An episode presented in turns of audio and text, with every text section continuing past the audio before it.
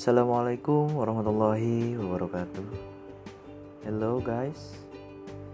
First, uh, let me introduce myself. My name is Bagas Rifki Wicaksono. And if you met me, just call me Aceng. Yes.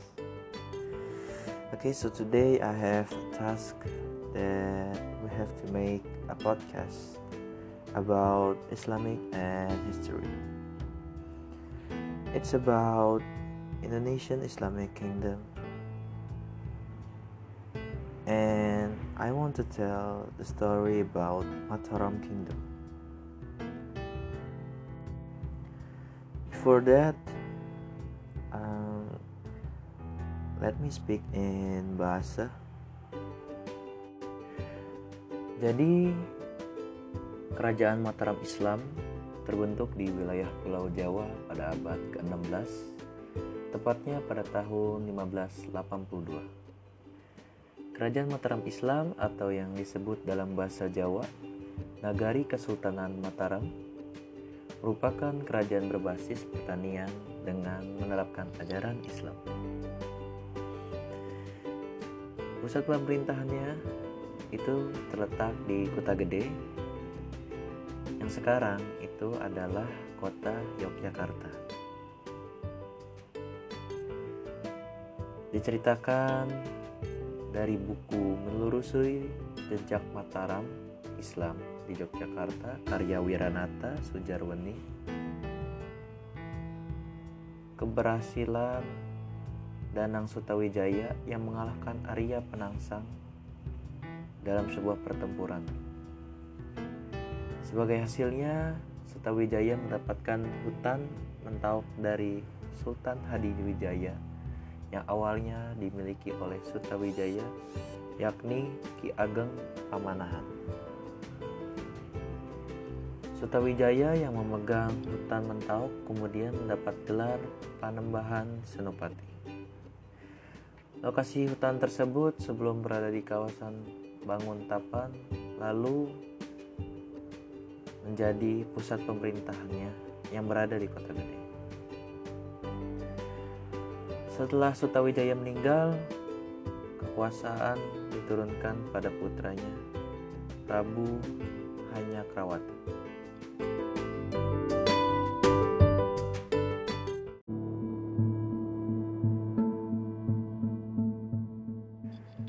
Namun, Hanyakrawati hanya memerintah sebentar saja karena wafat saat berburu di hutan Kerapyak. Atas kejadian tersebut, hanya Krawati mendapat sebutan Susuhan Sedak Kerapyak, yang berarti raja yang wafat di Kerapyak.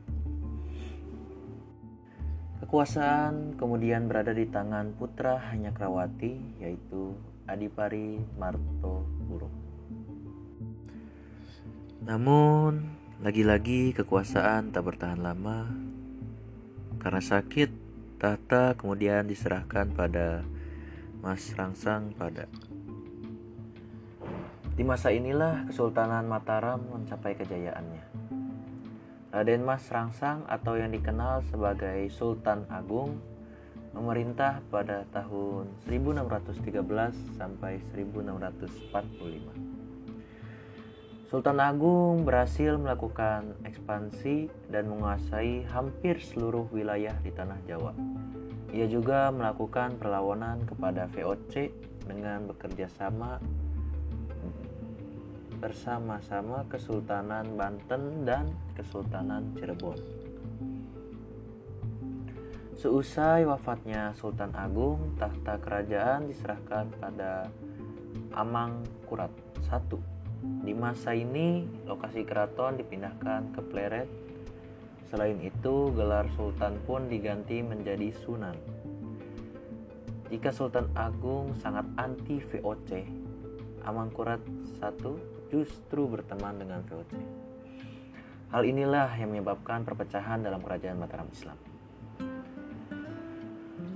Keraton kemudian dipindahkan lagi ke Kartasura. Jika diurutkan, pengganti Amangkurat 1 adalah Amangkurat 2, 3, kemudian Paku Buwana 1, Amangkurat 4, dan Paku Buwana 2. Menurut Ki Sabda Cara Katama dalam bukunya Sejarah Keraton Yogyakarta, perpecahan karena VOC masih terjadi hingga Paku Buwana 3 naik tahta.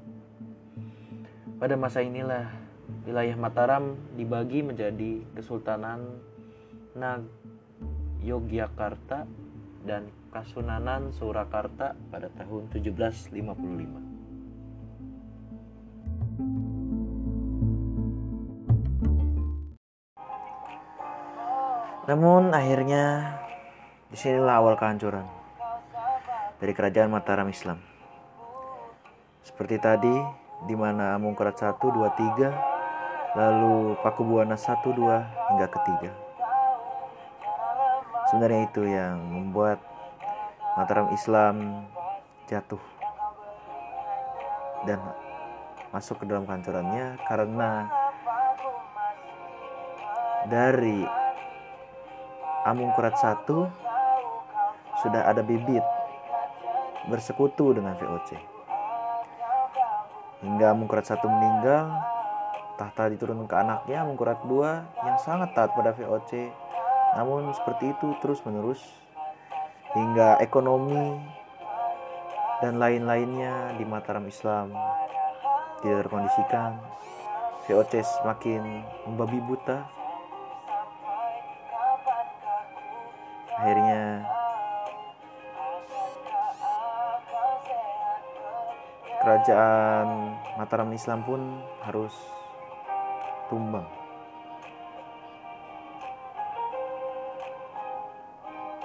Demikianlah singkat cerita Kerajaan Mataram Islam di Nusantara atau Indonesia. Mohon maaf bila ada salah kata. Terima kasih guys.